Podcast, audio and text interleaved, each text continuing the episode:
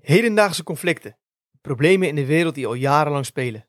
Onbegrijpelijke acties van wereldleiders en landen ver weg. De wereld begrijpen zoals hij vandaag de dag is, dat is niet makkelijk. De Tweede Wereldoorlog heeft zijn impact nagelaten op de Koude Oorlog. Zonder de Eerste Wereldoorlog en de daaropvolgende vrede zou er geen Tweede Wereldoorlog zijn geweest. Poetin valt nu terug op het verleden van de Koude Oorlog om zijn greep naar de macht in Oekraïne te rechtvaardigen. En haalt daarbij ook nog eens de Tweede Wereldoorlog aan.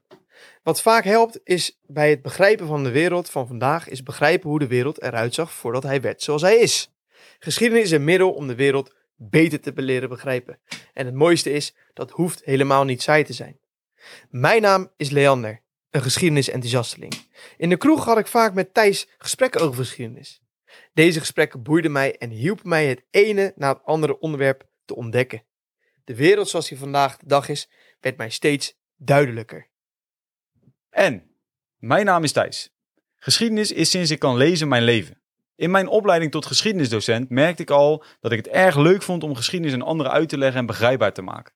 De kroeggesprekken over geschiedenis met Leander hielpen mij in te laten zien dat deze gesprekken ook nog eens erg leuk kunnen zijn. Samen is onze missie om jou de wereld van vandaag de dag beter te laten begrijpen. Dit is de geschiedenisreis. De podcast die jou meeneemt naar de geschiedenis van de afgelopen 120 jaar. Om deze wereld te begrijpen is het handig om van de grotere conflicten in de 20e eeuw kennis te hebben. De Tweede Wereldoorlog, de concentratiekampen en de daaropvolgende Koude Oorlog hebben allemaal een enorme invloed gehad op de wereld zoals we die vandaag de dag zien. Om je deze kennis te helpen opdoen, brengen wij minimaal één keer per week een podcast uit. We doen dit niet door losse onderwerpen te pakken en die uit te leggen, maar door een serie te maken waarin wij de diepte van het onderwerp in kunnen duiken. De series geven ons de mogelijkheid om een onderwerp veel uitgebreider uit te leggen dan dat vaak gebeurt.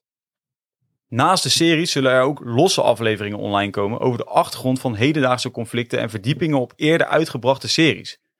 Op dit moment staat onze eerste serie volledig online en wordt de tweede uitgebracht. Door je gebeurtenissen en ontwikkelingen uit het verleden uit te leggen in een sfeer van een kroeggesprek, waar we uiteraard een biertje drinken, zul je de wereld van vandaag de dag beter gaan begrijpen.